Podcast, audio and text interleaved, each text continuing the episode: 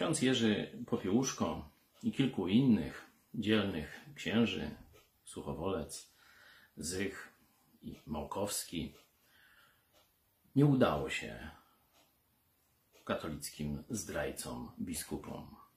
Nie udało się ich w seminariach wychować na zdrajców. Można by powiedzieć, że wyrodzili się z tego hierarchicznego, zdradzieckiego kościoła biskupów katolickich w Polsce. Przypominam, że ci biskupi zdradzali Polskę już od 1950 roku, gdzie podpisali haniebne, wszyscy podpisali, łącznie z Wyszyńskim, haniebne porozumienie z komunistami.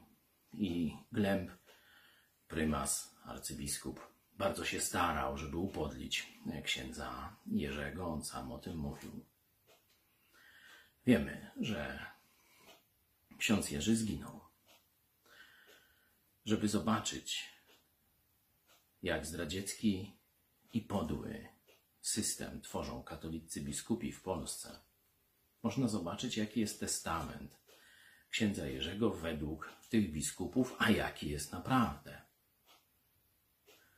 Co wiecie z księdza Jerzego? Zło dobrem i cichutko zwyciężaj. Kapitulacja przed komunizmem. Absolutnie nie sięgnięcie odważne po niepodległość, tylko to, co nam komuniści dadzą.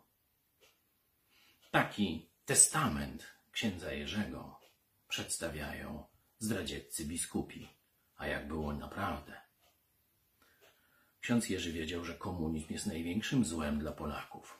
Mówił, nie dajcie się zwyciężyć złu. Co miał na myśli? Oczywiście, że komunę. A potem powiedział, musimy ją zwyciężyć.